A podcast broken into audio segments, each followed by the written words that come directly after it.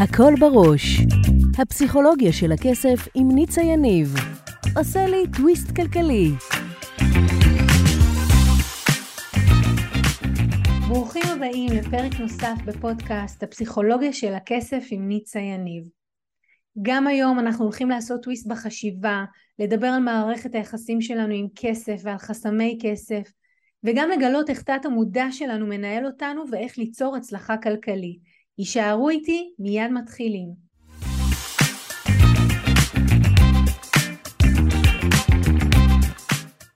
ברוכים הבאים לתוכנית נוספת, שבה אנחנו הולכים לדבר על הפסיכולוגיה של הכסף, וגם לדבר על איזה קולות אנחנו שומעים בראש שלנו, איזה שיחות פנימיות יש לנו, בכל מה שקשור לכסף.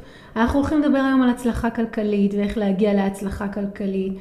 והמיקוד שלנו היום יהיה בנושא של חופש כלכלי. ואני רוצה להגיד לכם קודם כל, באמת להתחיל ולהגיד שתודה לכל מי שחוזר אליי, כותב, מדרג את הפודקאסט, מפרגן, ממש ממש תודה. שתדעו שעם כל התוכניות שיש לי לתכנים שאני רוצה להעביר, הדברים שאתם כותבים לי, הבקשות שלכם, הבקשות שמגיעות כמו שאומרים מהשטח, מאוד מאוד חשובות ומשמעותיות והן עוזרות לי באמת לדייק את התכנים כדי שיגיעו אליכם ויעשו את העבודה. אז תודה לכל מי שכותב. אה, עוד אני אגיד לכם שאני נמצאת בכל רשת אפשרית, החל מטיק טוק ופייסבוק ואינסטגרם ויוטיוב, אז אתם מוזמנים להמשיך ולעקוב. אם עוד לא הצטרפתם לקבוצה שלי בפייסבוק, הפסיכולוגיה של הכסף, זה הזמן. ואנחנו היום באמת הולכים, נלך ונעמיק בנושא של חופש כלכלי.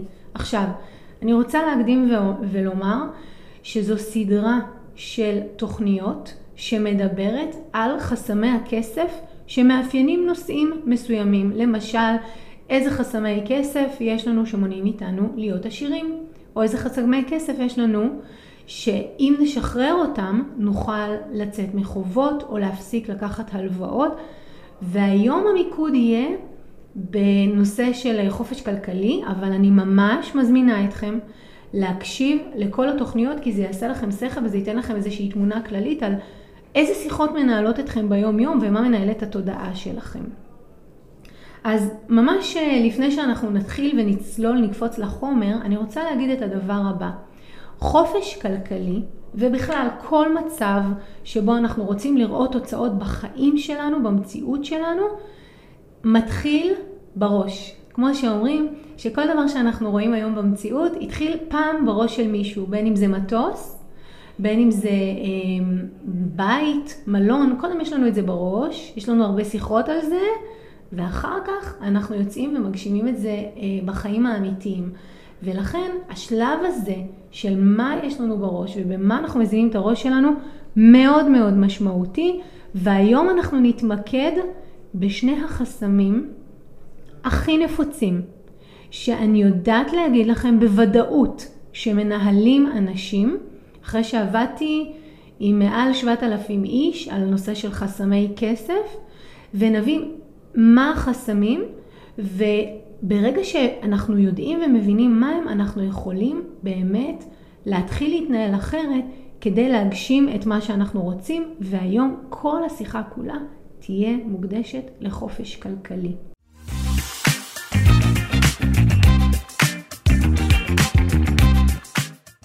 ועכשיו אנחנו נדבר קודם כל על תת המודע שלנו. מה תת המודע שלנו מבין, או איך אנחנו מתייחסים לחופש כלכלי. אז בואו נסביר שנייה טכנית את המושג. טכני, חופש כלכלי, פירושו שההכנסות שלנו מכסות באופן מניב, זאת אומרת שיש לנו הכנסות מניבות שמכסות את ההוצאות שלנו. זהו בפשטות. אם יש לנו גם מעבר לזה, בכלל, כמו שאומרים בעברית, פגז, אבל בגדול זאת ההגדרה.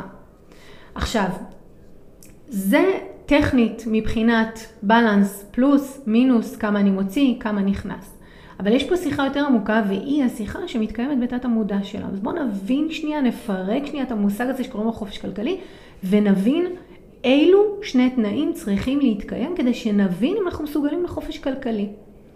אז תיקחו רגע את צמד המילים חופש כלכלי. המילה הראשונה היא חופש. אוקיי, אז נגיד ככה, העולם מתחלק בגדול לשניים. בגדול כן, כולנו רוצים חופש, כולנו אוהבים חופש, אבל עם כל הרצון, הרבה מאיתנו אוהבים יותר ביטחון, קביעות, ידיעה, ודאות.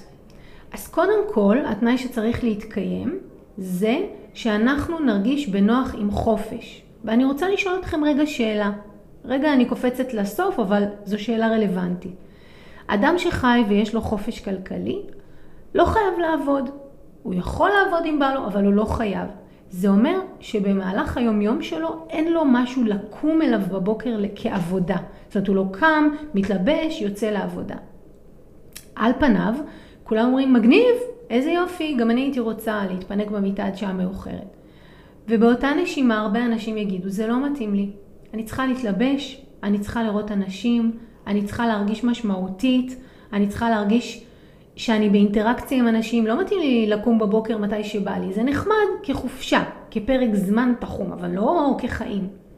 ולכן, החלק הראשון בביטוי חופש כלכלי אומר, אני שואלת אתכם עכשיו, האם טוב לכם עם חופש? חופש משמח אתכם, לא כקונספט של חופשה, כהגדרה, האם אתם יכולים עכשיו לחיות את חייכם כשאתם כל הזמן בחופש? ואני אגיד לכם כבר, שהרבה אנשים לא. וזאת הסיבה שלא הרבה אנשים חיים בחופש כלכלי. זה חלק ראשון של הביטוי. החלק השני של הביטוי אומר חופש כלכלי. זה אומר שיש פה עניין של איך לכלכל את הצעדים שלנו, איך אנחנו מתנהלים עם כסף, האם אנחנו מנהלים כסף, מרגישים בנוח להיכנס לחשבון הבנק, מרגישים בנוח לדבר על השקעות, לחשוב מה עושים איתו, איך מניידים את הכסף, איך מזיזים ימינה, שמאלה, או שכסף עבורנו זה עניין שאם חייבים להתנהל איתו אז אנחנו נתנהל, ולפעמים גם זה לא כי נעשה דחיינות, אבל ב overall זה לא הקטע שלנו כסף. אז אם זה כך, גם כאן תהיה לנו מכשלה. זאת אומרת, שבכל פעם שאנשים אומרים לי, ניצה, אני, מתאים לי שיהיה לי חופש כלכלי. אז אני שואלת אותם את שתי השאלות האלה. האם, אחת, אתה בנוי לחיות בחופש, באמת בנוי, לא חופשה, חופש. עכשיו, האם אתם יכולים כל השנה הקרובה שלא יהיה לכם משהו לקום אליו בבוקר. נכון, אתם יכולים לעשות חוגים ואתם יכולים ללכת ללמוד משהו, גם זה נגמר אבל מתישהו. חופש כלכלי, אם מנהלים נכון את הכסף, זה לא שנה, זה לא חודשיים, זה, זה צורת חיים. ושתיים, איך אתם מנהלים ומתנהלים עם כסף? איך אתם מקבלים החלטות כלכליות? האם נוח לכם עם החלטות כלכליות? רק ואך ורק כששני הדברים יושבים אצלנו בהרמוניה, בטוב, אז אנחנו פנויים באמת לצאת, להיות, לחיות חופש כלכלי.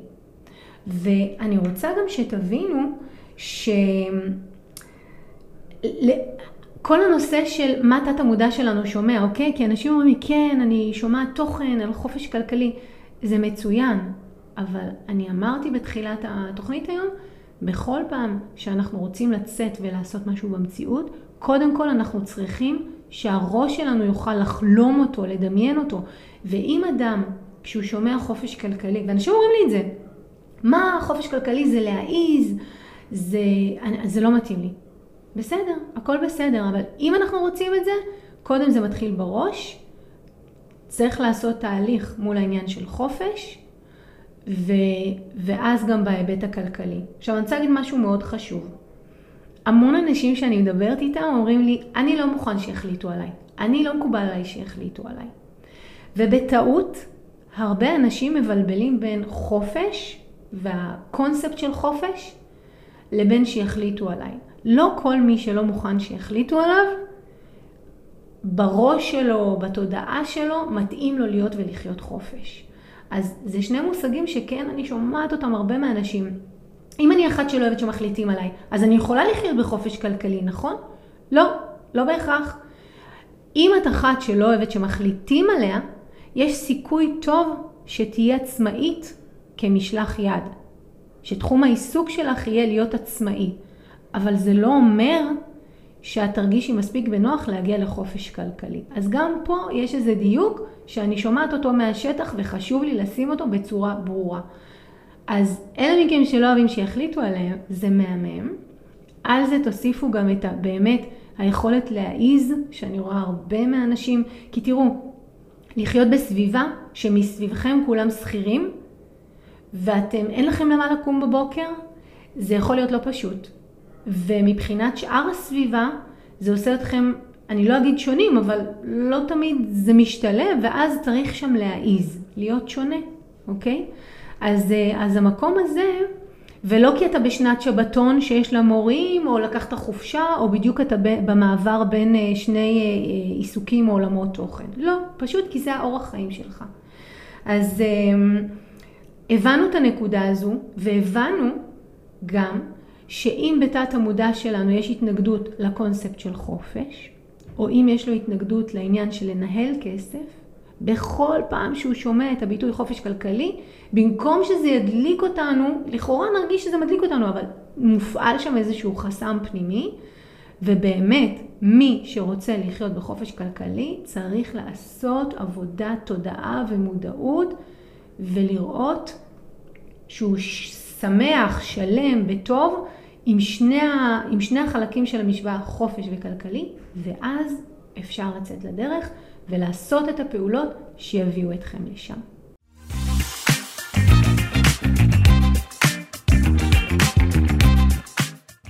אז הבנו כבר את שני הביטוי, ממה הביטוי מורכב, מחופש ומכלכלי, ועכשיו אנחנו הולכים להבין בכלל מה זה הקטע הזה של חסמי כסף, ואיך חסמי כסף יכולים למנוע מאיתנו, ואיזה חסמי כסף, גם על זה אנחנו נרחיב, יכולים למנוע מאיתנו להגיע לחופש הכלכלי. אז חסמי כסף הם אוסף של אמונות פנימיות שיש לנו על החיים, שמרכיבות סיפור פנימי, שיחה פנימית, שהשיחה הזו מכתיבה את האופן שבו אנחנו מקבלים החלטות כלכליות ומתנהלים בחיים. לכל אדם יש סיפור כסף פנימי על כמה הוא יכול להרוויח וכמה הוא יכול להצליח והסיפורים האלה אנחנו אה, ספגנו אותם או עיצבנו אותם כילדים בבית שגדלנו, בחברה שבה הסתובבנו והם קובעים ומגדירים כמה אנחנו מאמינים שיכול להיות לנו וחופש כלכלי הוא בהחלט אחד מהם. אבל רגע זה מילים, אני רוצה רגע לתת איזשהו דימוי שעושה לתלמידים שלי שכל, כשאני מלמד את הקורס הפסיכולוגיה של הכסף, עושה לתלמידים שלי שכל ונשתמש בו. כדי שאנחנו נקבל את מה שאנחנו רוצים לחיים, אנחנו צריכים להיות בעמדת קבלה. דמיינו שיש נהר, והנהר הזה זורמים בו מים. הם יוצאים מנקודה אחת ומגיעים לנקודה שנייה. והזרימה של המים, כל עוד היא חלקה, כל עוד יש תנועה של מים והם זורמים והכל ככה שוצף, נהדר. אבל אם יש לי בתוך הנתיב הזה שני בולדרים גדולים, אבנים שחוסמים את המים מלעבור, אז כן, אולי יוכלו לעבור מים, אבל זה יהיה בערך, זה יהיה כזה, ובאמת המים יתחילו בשצף קצף, ואם הם חוסמים לא יהיה להם מעבר, או שהמעבר יהיה מאוד מאוד מינורי. אז מה שקורה, ומה שאנחנו הולכים לדבר עליו היום, זה שיש לנו שני חסמי כסף עיקריים, שהם מאוד משמעותיים, ואם היובל הזה שלכם הוא דימוי שאני משתמשת בו להגיד, אוקיי, אתה שכיר, את שכירה או עצמאים, ואתם רוצים לצאת לחופש כלכלי, אז אתם, הנקודה שאתם נמצאים זה כאן, ואתם רוצים להגיע לצד השני, לנקודה B שנקרא לה חופש כלכלי, ובאמצע בדרך יש שני בולדרים שהם חסמי הכסף, אז הדברים שהיקום יכול לשלוח לכם וגם הפעולות שתעשו, לא תראו בהם ברכה במובן הזה שלא תגיעו למחוז חפציכם. אז אני רוצה להגיד עוד משהו על חסמי כסף. חסמי כסף הם, הם דבר שהוא נרכש בעיקר מהסביבה ואנחנו גם מורישים אותו לילדים שלנו. מה הכוונה? כשילד בא ואומר לאמא, אמא, אני רוצה לבקש העלאה בשכר, והיא אומרת לו, מי ייתן לך? אתה כבר מקבל אה, סכום מאוד יפה. בתור מישהו שעכשיו השתחרר מצה"ל, וזה מה שאתה עושה, הם משלמים לך מאוד יפה. אתה יודע היום איך המצב בשוק, ואתה יודע שהמצב לא קל. ואני, לא, אל, אל תגיד להם כלום, כי בסך הכל קיבלת משכורת יפה, ותחכה קצת.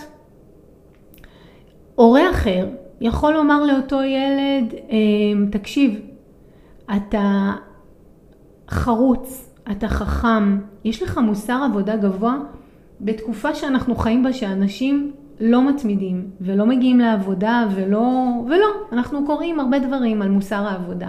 ואתה לא כזה, אתה מהמם. חוץ מזה, אני מאוד מאמין בך. אני אומר דבר כזה, נסה לדבר איתו.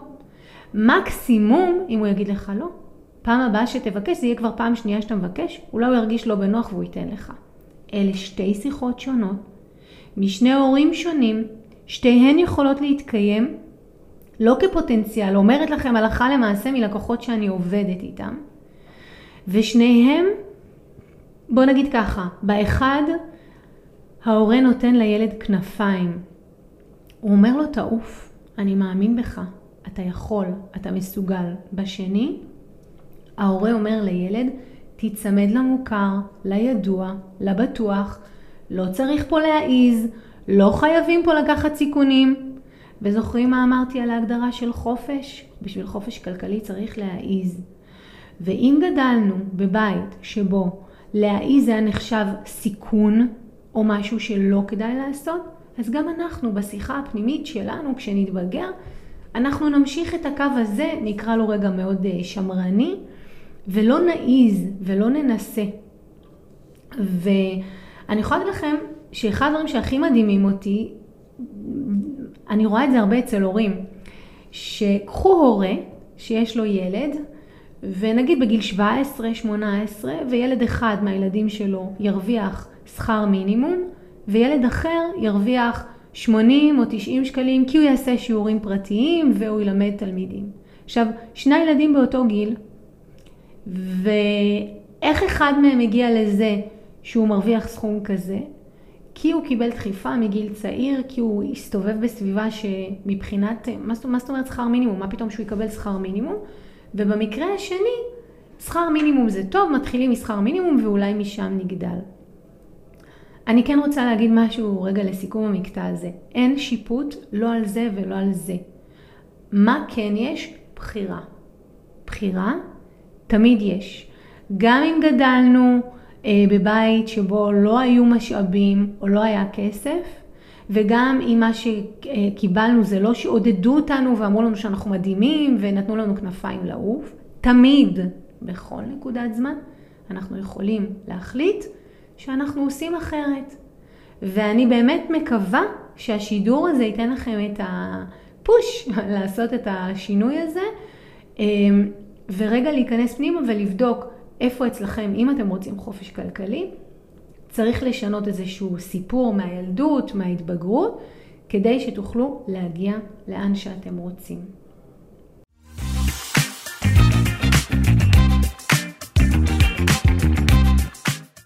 ואנחנו הולכים לדבר על שני החסמים הנפוצים ביותר שמונעים מאיתנו להגיע לחופש כלכלי. ונדבר רגע על החסם הראשון. החסם הראשון הוא חסם כלכלי. רובנו גדלנו בבתים שבהם דיברו על זה שעבודה או הצורך לעבוד בשביל הפרנסה הוא משהו שהוא בסיסי, ממש ממש בסיסי. ואני יכולה להגיד לכם שלרוב האנשים המחשבה שיהיה להם את הסכום הכספי חודשית או יותר מזה של ההוצאות שלהם כהכנסה פסיבית מאוד מלחיץ ואני אסביר לכם למה. יש פה שתי סיבות או שני דברים שאני רואה שחוזרים על עצמם תמיד. אז אמרנו, תזכרו, החסם הראשון הוא כלכלי. אחד זה שאם יהיה לנו מספיק כסף בשביל לא לעבוד, מה עם ההורים שלנו? מה עם האחים שלנו שעובדים בשביל הפרנסה? מה יקרה אם הם יראו שאנחנו לא עובדים והם ישאלו אותנו, תגידי, את uh, לא קמה בבוקר לעבודה, את לא עובדת? אז מה נגיד להם? כן, יש לי מספיק uh, הכנסה פסיבית, ולכן אני לא צריכה לקום לעבודה.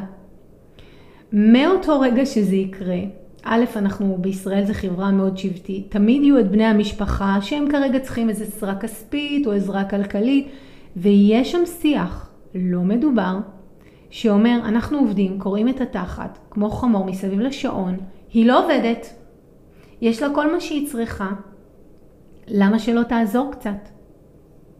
תחשבו מה קורה במשפחה כזו אם אימא צריכה עזרה כלכלית, או אם אבא צריך עזרה כלכלית, ויש שלושה אחים, שניים מתוכם שכירים שעובדים, כמו שהשכירים תמיד אומרים, מצאת החמה ועד צאת הנשמה, ואחות אחת שחיה בחופש כלכלי.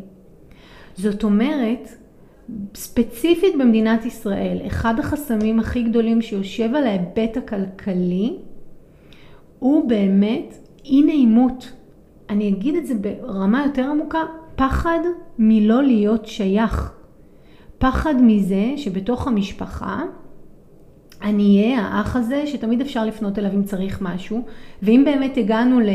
לחופש כלכלי בהיבט של אם לצורך העניין אנחנו מוצאים 20 אלף שקלים לחודש אז יש לנו הכנסה פסיבית של 20 אלף שקלים אז מה קורה אם אח אחד צריך עזרה, אם אימא צריכה עזרה, אם מישהו נתקע עם האוטו, מה נגיד להם לא?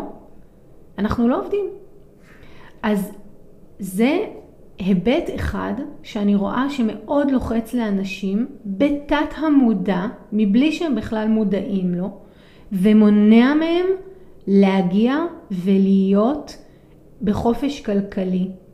כי הם אומרים דבר כזה, אם יהיה לי, בכל מקרה אני אצטרך לתת את חלקי, לתרום, כי, כי מה אני אגיד לאנשים לא, למשפחה שלי לא, ואם הם ייתקעו באיזשהו קושי, עדיף שלא יהיה לי, שימו לב מה תת המודע אומר, עדיף שלא יהיה לי ואני לא אצטרך להגיע למצב של מאבק עם האחים, של שבר במערכת היחסים. עכשיו בואו נהיה רגע אמיתיים, טוב? בכל משפחה, קלאסיקה של כל משפחה ישראלית, יש את האח המוצלח, המצליח שעושה כסף, או מאוד uh, מצליח לו, ואת האח שעוד uh, לא סגור על עצמו, מחפש את עצמו, כזה. בכל משפחה יש את זה. Um, רוב הזמן אנחנו מעדיפים להיות המצליחים, אבל לא כל כך מצליחים שאנחנו לא צריכים לעבוד. כי זה נחמד להיות יותר, אבל אתה רוצה להיות יותר, אבל להישאר עדיין בטווח, בגבול, שאתה נתפס כיותר, אבל לא כזה שאתה יכול להגיע בסוף לאיזשהו חיכוך או שבר או קרע עם המשפחה. וכסף, וזה כך לימדו אותנו מגיל צעיר, יכול להרוס משפחות. זה הדברים שאני שומעת, תקשיבו, אני עובדת עם אלפי אנשים, זה מה שאני כל הזמן שומעת. מריבות על ירושות, מריבות על כספים, מריבות על מי עוזר לאימא או אבא כי אחד האחים מסודר ואחרים לא. אז עכשיו בואו תהיו גם בחופש כלכלי? לא.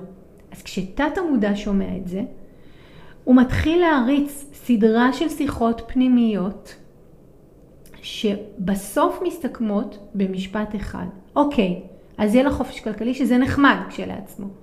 אבל אז מה? מה יקרה כשהם יפנו אלייך?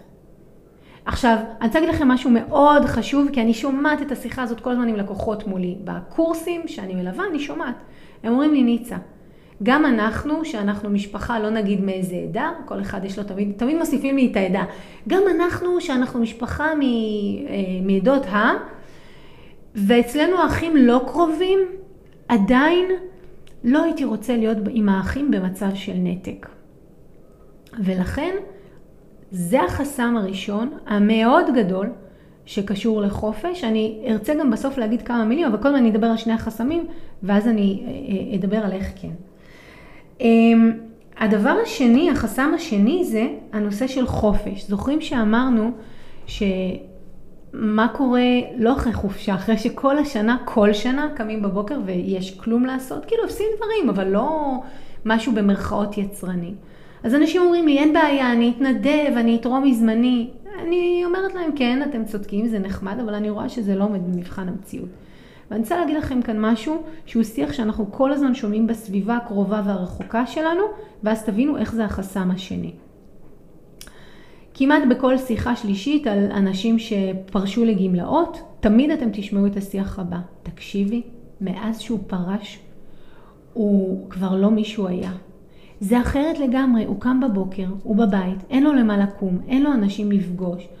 אז בהתחלה הוא היה עובד ארבע שעות במשרד רק בשביל שיהיה לו בשביל מה לאסוף את עצמו ולראות אנשים ולהתלבש, אבל היום הוא כבר לא שם. ומאז שהוא יצא לפנסיה, הוא קמל, או הוא דועך, כל אחד אומר לי את זה במילים שלו. הוא המון הולך לקופת חולים, והוא המון חולה, ואם פעם הוא היה עושה גם את העבודה וגם עוזר לילדים וגם מספיק הכל ועוד בסוף היה מכניס תור לרופא, היום אני שואלת אותו, מה אתה עושה מחר? מה הוא אומר לי? יש לי תור לפיזיותרפיה. ואני אומרת לו, אוקיי, וחוץ מזה, זה תופס לו את כל היום. אני אומרת שתכנתו אותנו בתת המודע, שמי שיש לו חופש, ואומרים לנו, תסתכלו דוגמאות מסביב, הוא קמל, הוא דועך. אבל אנחנו לא מדברים על חופש של יום. שהיה משהו בלעבוד, בלפגוש אנשים, בלהיות יצרן, שמרים אותך, שנותן לך כוחות, שמוציא את המיטב שבך, וגם אם קמת, כמו שאומרים בעברית אה, יידישאית, קרחצן, אתה קם, אתה מתלבש, אתה יוצא, אתה מחייך לאנשים, והאנרגיה הזאת עוברת ואתה נהיה בטוב. אז אם זה משהו שתכנתו לנו, מה אתם אומרים קורה כשתת המודע שלנו שומע חופש כלכלי, והוא מבין שמה שהולך לקרות זה שהוא הולך להיות עכשיו בחופש קדימה בזמן. כמה אפשר לבלות עם חברים וגם עם מי תבלו? אם הסביבה המיידית שלכם עובדת כשכירה, אוקיי, פה הם לומדים, שם הם עובדים, יש להם חיים מלאים, איפה בדיוק זה ייכנס? הסתת המודע שלנו, משני הדפוסים שהם חסמים, חסמי כסף שאמרתי, שניהם יחד. גם אני לא רוצה לקמול, אני רוצה לקום, אני רוצה להיות יצרן, לא מתאים לי חופש forever and ever. וגם ההיבט השני של אם יהיה לי כסף, איך אני אומר לא ליקרים לי, איך אני מעמיד גבול. שני אלה סוגרים אותנו תודעתית, והתת המודע שלנו אומר, בחייך, למה צריכה את זה? בשביל מה צריכה את הכאב ראש הזה? עזבי, קומי בבוקר לעבודה, תפגשי אנשים, שיהיו לך חוויות, תהיי שייכת למעגל, תקטרי עליו, תהני ממנו, תצאי איתו לטיולים, אבל תהיי שייכת למעגל, מאשר עכשיו תחפשי את עצמך. עכשיו אני רוצה לספר שני סיפורים על לקוחות שלי שעשיתי איתם תהליך כשעבדנו בפסיכולוגיה של הכסף, אני רוצה ממש לתת שתי דוגמאות על שלב אחד שהוא בדרך לחופש כלכלי, כי אני רוצה שתבינו, זה כמו שמישהו שהכל חייב שמן, או ביס, ממש שמן ברמה מוגזמת, הוא לא יהיה ביום אחד רזה. הוא צריך לעבור איזשהו תהליך, לא רק פיזי להשיל מהמשקל, הוא צריך גם לעבור תהליך תודעתי. אז גם פה, אדם לא נמצא 100% שכיר, כבר 20 שנה שכיר, ואז ביום אחד הוא הופך להיות בחופש אה, כלכלי, אוקיי? אז בואו, אני, אני רוצה רגע לתת. נקרא ל, לראשונה מיכל. כשמיכל הגיעה אליי, היא אמרה לי, ניצה, תקשיבי, ניסיתי לצאת לחופש כלכלי, לא עובד לי. אני לא מסוגלת להיות כל היום בבית. אבל כן, אני רוצה להיות במקום שאני חיה טוב. מה את אומרת? מה את ממליצה לי לעשות? ובנינו לה איזשהו מודל שהתאים לה, ואני אספר לכם איזה מודל בנינו ואיך הוא מדהים. היא מפיקת אירועים במקצועה. והיא אמרה לי, אני בחורף, אין לי סבלנות, גם אין הרבה עבודה, והאמת, מה שיש בחורף אני יכולה לוותר עליו, כי היא מפיקת אירועים לא באירועים שהם סגורים, אלא בחלל פתוח. ואז בנינו לה איזשהו מודל. קודם עבדנו על התודעה, פתרנו את החסמים, ותאמינו לי, יש יותר משני החסמים האלה, אלה העיקריים, אבל יש יותר. והגענו למצב שמי, שהיא בכל שנה, כל החורף נחה, היא לא עובדת. בקיץ היא בפול גז, היא אמרה לי, אני בן אדם של קיץ, תני לי חום, תני לי לפגוש אנשים, תני לי זה, היא עובדת בקיץ. היא עובדת בקיץ, לא כל הקיץ, כי בישראל מהאביב ועד החורף, חורף באמת, יש הרבה חודשים. היא משתדלת לעשות משהו כמו חמישה חודשים ושישה, שישה היא לא עובדת, אה, חמישה ושבעה, סליחה, שבעה היא לא עובדת וחמישה היא כן. ובחמישה חודשים האלה יש לה יעד של הכנסות, שהיא יודעת כבר מה היא צריכה, כולל שיהיה לה אקסטרה אם היא רוצה מאיזושהי סיבה, לא יודעת, תתקלקל האוטו, היא רוצה לצאת לחו"ל קצת, יש לה את הכסף.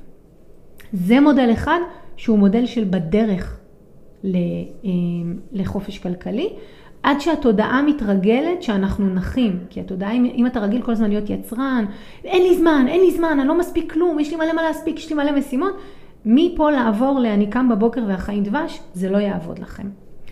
ודוגמה שנייה, לקוחה אחרת שלי, נקרא לה חגית, וחגית הגיעה אליי אחרי שהיא ירשה מאבא שלה אה, עסק, עסק משפחתי, והיא הייתה מכל האחים מועמדת לנהל אותו טוב, עסק שדי עובד מסביב לשעון, והיא הגיעה אליי ואמרה לי, תקשיבי, קצתי בעבודה הזו, המשכתי את העסק כי חבל היה לסגור עסק כל כך מניב, אני רוצה שאת תעבדי איתי ונגיע למצב שהעסק עובד פחות או יותר בשלט רחוק, זאת אומרת אני קמה בבוקר, שואלת אותם מה נשמע, סוף היום מקבלת מהם וואטסאפ איך נסגר, יושבת איתם על דוחות חודשיים, וזהו. אני רוצה ביתר הזמן להיות בשקט שלי. וזה מה שעשינו. קודם כל עשינו איתה את העבודת מודעות, תודעה, על בכלל להיות מנהלת. כי כשאני, כשהיא הגיעה אליי לתוכנית, היא הייתה בתודעה של עובד, היא לא חשבה כמנהלת, היא הייתה אחת מהעובדים, היא עשתה את המשימות, היא הייתה מסביב לשעון, היא רדפה אחרי עצמה, בזנב של עצמה. כשהיא חזרה ובאה אליי ואמרה לי, ניצה, אני רוצה, רוצה להיות מנהלת, אמרתי לה, תשמעי, זה מעבר למנהלת, את צריכה להיות לצורך העניין כמו מי שיושבת. בהנהלה, מקבלת את הדיבידנדים וזהו. את לא נכנסת לשלחתם לזה את המכתב, למה לא עניתם להוא, למה יצא למייל ולמה לא. והיא הייתה צריכה לעשות שם שינוי תודעתי. כי בדיוק כמו שבני ישראל היו עבדים במצרים, זה לא שהם יצאו הם נהיו אדונים של ארץ. הם היו צריכים 40 שנה במדבר, למה? בשביל תודעתית לצאת מהמצב שהם היו בתודעת עבד ולעבור לתודעת אדון. אז מישהי שהיא עובדת, ואומנם העסק שלה, אבל היא עובדת כשכירה בפועל, והיא רוצה עכשיו להיות מנהלת בשלט רחוק, צריכה לעבור ממש שינוי תודעתי. אגיד לכם את האמת, לקח לה שנה ושמונה חודשים, שבמהלכם ליוויתי אותה אה, למי להיות בכל דבר מצויה, בכל הפרטים, ללנהל, ללשים מתחתיה אנשים שהיא יכולה בשלט רחוק רק לקבל מהם תוצאה ושורה תחתונה, כדי שהיא תתפנה לעשות את הדברים שהיא באמת רצתה. מה שתי הדוגמאות באו לומר? הם באו להגיד שיש דרך וצריך לעבור אותה. ויש גם מודל ביניים לפני שעוברים משכיר מלא לחופש כלכלי. וכל אחד צריך לבנות את המודל שמתאים לו ברמה האישיותית, האישית. ורק כשאנחנו עושים את זה, רק כשאנחנו עושים את זה בתודעה, אפשר להתחיל לעשות את הפעולות הפרקטיות שיביאו אותנו לשם. לפני אפשר, אבל מה שאני רואה הרבה פעמים שזה נוחל כישלון חרוץ, ואז סתם זה צורב לכם חוויה לא טובה, ואז בכלל כבר לא רוצים לנסות.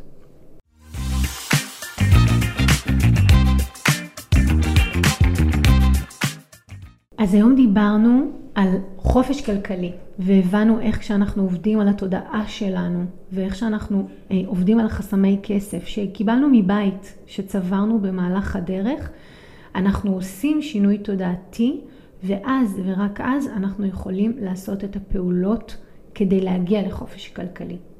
וגם למדנו היום וראינו שאנחנו לא נעים ממצב של להיות שכיר 20 שנה לחופש כלכלי ברגע אחד, אלא שאנחנו באמת צריכים לעשות דרך ותהליך.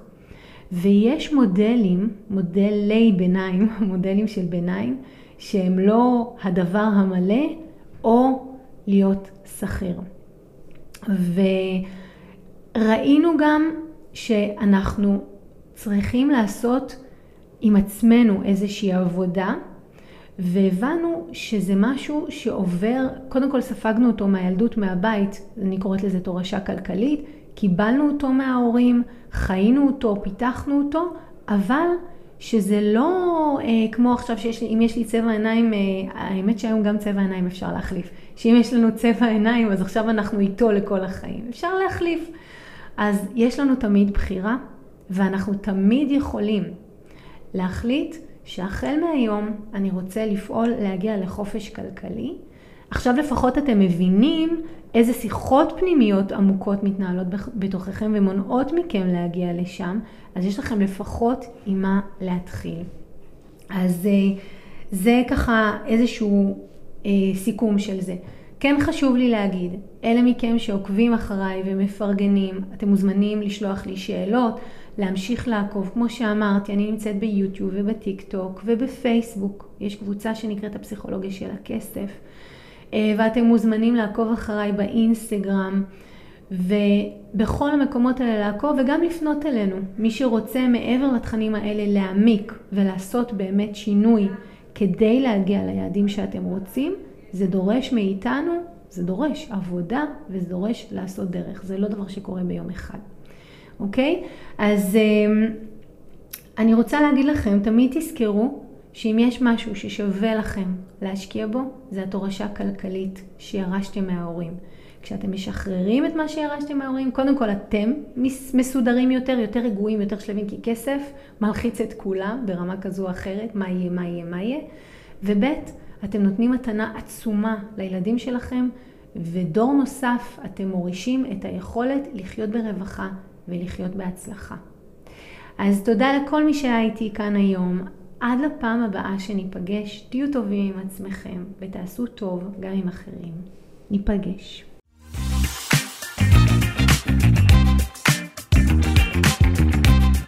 אם אהבתם את הפרק, שתפו אותי למה התחברתם, ממש מעניין אותי לשמוע. אם בא לכם ללמוד עוד על הפסיכולוגיה של הכסף, הנה המקומות שאתם יכולים להתחיל בהם. באתר ניצayניב.com תוכלו להזין לתוכנית הרדיו השבועית שלי שנקראת הכל בראש וגם להצטרף לקבוצת הפייסבוק שלי הפסיכולוגיה של הכסף עם ניצה יניב. אם אתם עדיין לא עוקבים אחריי בפייסבוק, באינסטגרם או ביוטיוב זה בדיוק הזמן לעשות את זה. אלה מכם שרוצים להעמיק אתם יכולים לפגוש אותי אחת לחודש במפגשים הקבוצתיים לאימון בלייב או להצטרף לקורס המקיף לשחרור חסמי כסף. תמיד תזכרו, השינוי שלכם עם כסף מתחיל כאן, במקום שבו כסף ותודעה נפגשים. ניפגש בפרק הבא.